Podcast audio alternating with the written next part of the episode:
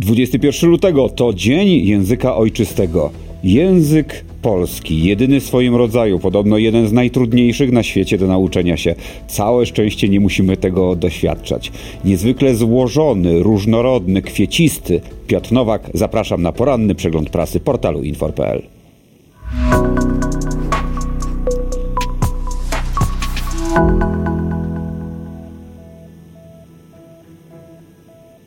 Rozwiązanie umowy o pracę to bywa problematyczny moment dla każdego pracownika, również pracodawcy, a mamy w tej sprawie przełomowy wyrok Europejskiego Trybunału Sprawiedliwości.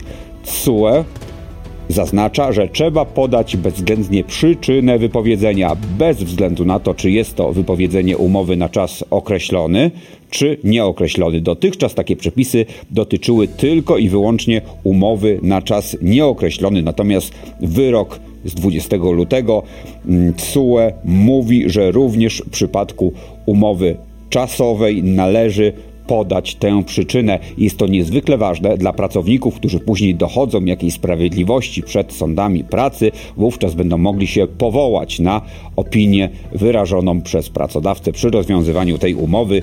Więcej o tej e, sprawie, która no, może dotyczyć każdego za, zatrudnionego na umowie o pracę, pisze redaktor Paweł Huczko, dzisiejszy portal infor.pl. Zaglądamy do dziennika Gazety Prawnej, a tutaj w dodatku Firma i Prawo mamy wywiad z wiceministrem cyfryzacji Dariuszem Standerskim. Dariusz Standerski, z tego co pamiętam, dwukrotnie próbował kandydować w wyborach parlamentarnych i w 2019 i 2023 roku mandatu nie uzyskał. Uzyskał jednak posadę w resorcie. No cóż, gratulujemy. E, Dariusz e, Standerski no, e, sprawia wrażenie polityka, który jeszcze jeszcze tutaj nie do końca odnalazł się w tej nowej rzeczywistości i to też przebija się właśnie z wywiadu redaktor prowadzący wywiad e, pyta, co z prawem o usługach cyfrowych, który wchodzi w życie w Unii Europejskiej od 17 lutego. Minister odpowiada, że wiąże z tym systemem duże nadzieje, jednak musimy na jego wdrożenie poczekać, e, gdyż nie chodzi tutaj o uchwalenie prawa w jedną noc, gdyż poprzedni rząd, poprzedni rząd, ta nuta tu się przebija w tym wywiadzie, nie zrobił nic przez półtora roku, więc teraz e, pan Standerski i jego koledzy i koleżanki muszą stanąć na głowie, żeby te zaległości nadrobić. Chcieliśmy z partnerami społecznymi potwierdzić główne założenia i tak dalej. Dariusz Sanderski mówi, że jednak ten akt o usługach cyfrowych jest niezwykle ważnym prawem, dlatego że umożliwia ono no, większe, daje ono większe prawa użytkownikom internetu wobec dostawcom, dostawców usług e, cyfrowych. Jak posypią się pierwsze maksymalne kary, to usługodawcy uchylający się od stosowania przepisów pomyślą, aha, to może bardziej się postaramy. Na pytanie, jak e, Polska chce dołączyć e, do cyfryzacyjnej czołówki europejskiej, minister Standerski odpowiada. Na początku musiałem się zmierzyć z bardzo szybką aktualizacją planu dojścia do cyfrowej dekady. Nie mogliśmy zrobić wiele niż aktualizacja danych i poprawienie błędów, które zostały poprawione w pierwszej wersji planów. Także jak na razie tylko poprawianie i zamartwianie się błędami poprzedników. To jest minister Dariusz Standerski, dzisiejszy dziennik Gazeta Prawna.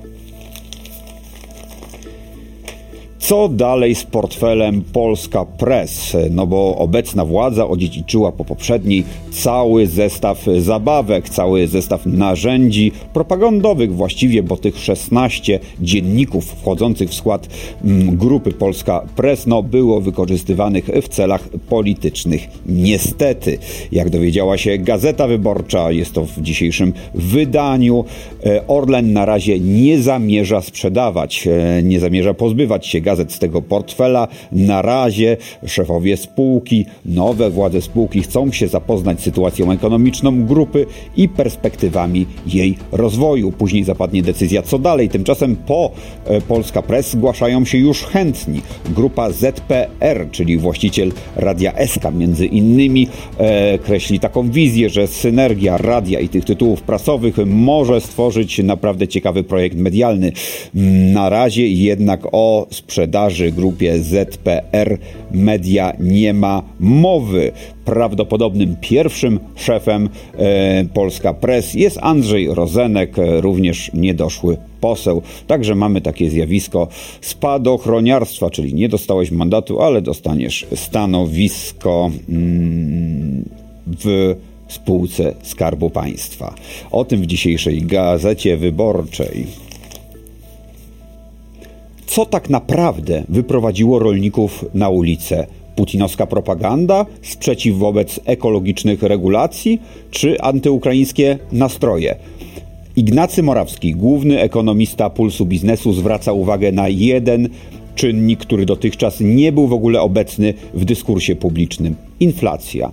Wcześniej rolnicy płynęli na fali wzrastających cen. Teraz to się skończyło. W ciągu ostatniego roku, jak zauważa ekonomista, ceny produktów rolnych spadają znacznie szybciej niż koszty produkcji. Istotnym problemem jest fakt, że mm, dysproporcja pomiędzy tymi czynnikami jest bardzo duża i co wpływa też na sytuację ekonomiczną konkretnych przedsiębiorstw rolnych. W ciągu roku ceny sprzedaży spadły o 40%, a koszty o 8%. Także warto wyciągnąć też wnioski właśnie z takich czynników makroekonomicznych. Natomiast e, też e, warto zwrócić uwagę, że sami rolnicy o tym nie wspominają. Oni mówią o Ukrainie, oni mówią o regulacjach związanych z Zielonym Ładem. Więcej o tej niezwykle istotnej sprawie i tym przemilczanym czynniku w dzisiejszym pulsie biznesu. Orlen stawia na wodór. Zielone paliwo już niedługo coraz szerszym strumieniem popłynie z kurków prosto do e, baków pojazdów. A Orlen stawia również na kadry. E, koncern uruchomił program dla studentów i absolwentów, którzy chcą zdobyć doświadczenie w branży wodorowej. Są tutaj mm, ścieżka rozwojowa dla najlepszych e, z nich. Orlen planuje uruchomić 100 stacji tankowania wodorem dla transportu indywidualnego, publicznego i towarowego e, w ciągu najbliższego roku. Około połowa z tych lokalizacji zostanie uruchomiona w Polsce.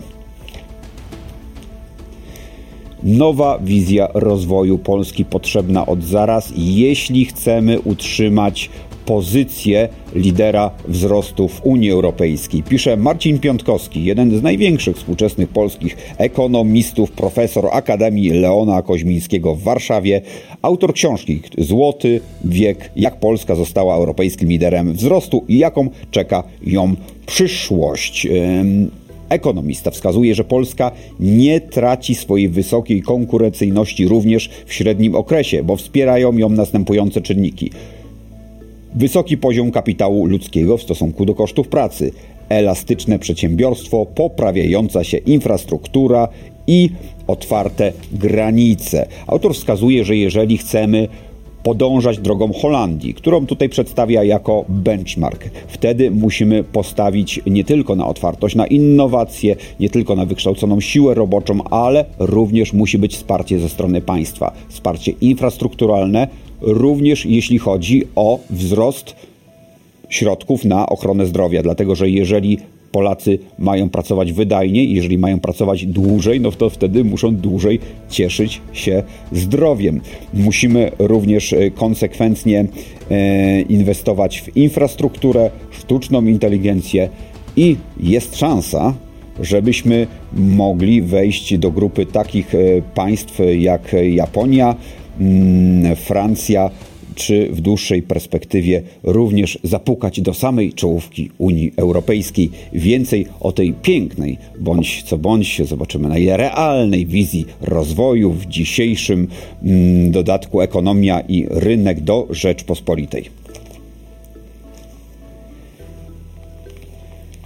Alternatywna medycyna zbiera żniwo w Polsce. Coraz więcej dzieci umiera na skutek leczenia e, niekonwencjonalnymi metodami. E, coraz więcej rodziców ulega różnego rodzaju szamanom, którzy zalecają, żeby w miejsce szczepień, a także antybiotyków stosować coś zdrowszego, czyli na przykład e, leczenie witaminą D albo witaminą C. Śmierć w cudownej kamizelce to tytuł tekstu Iwony Konarskiej z dzisiejszego nowego, najnowszego wydania tygodnika Polityka. Oto okładka. Tu akurat Donald Trump nas straszy, ale nie tylko Donald Trump, bo również różnego rodzaju altmedowe bzdury powinny być tym, e, co gdzieś, e, czego powinniśmy unikać.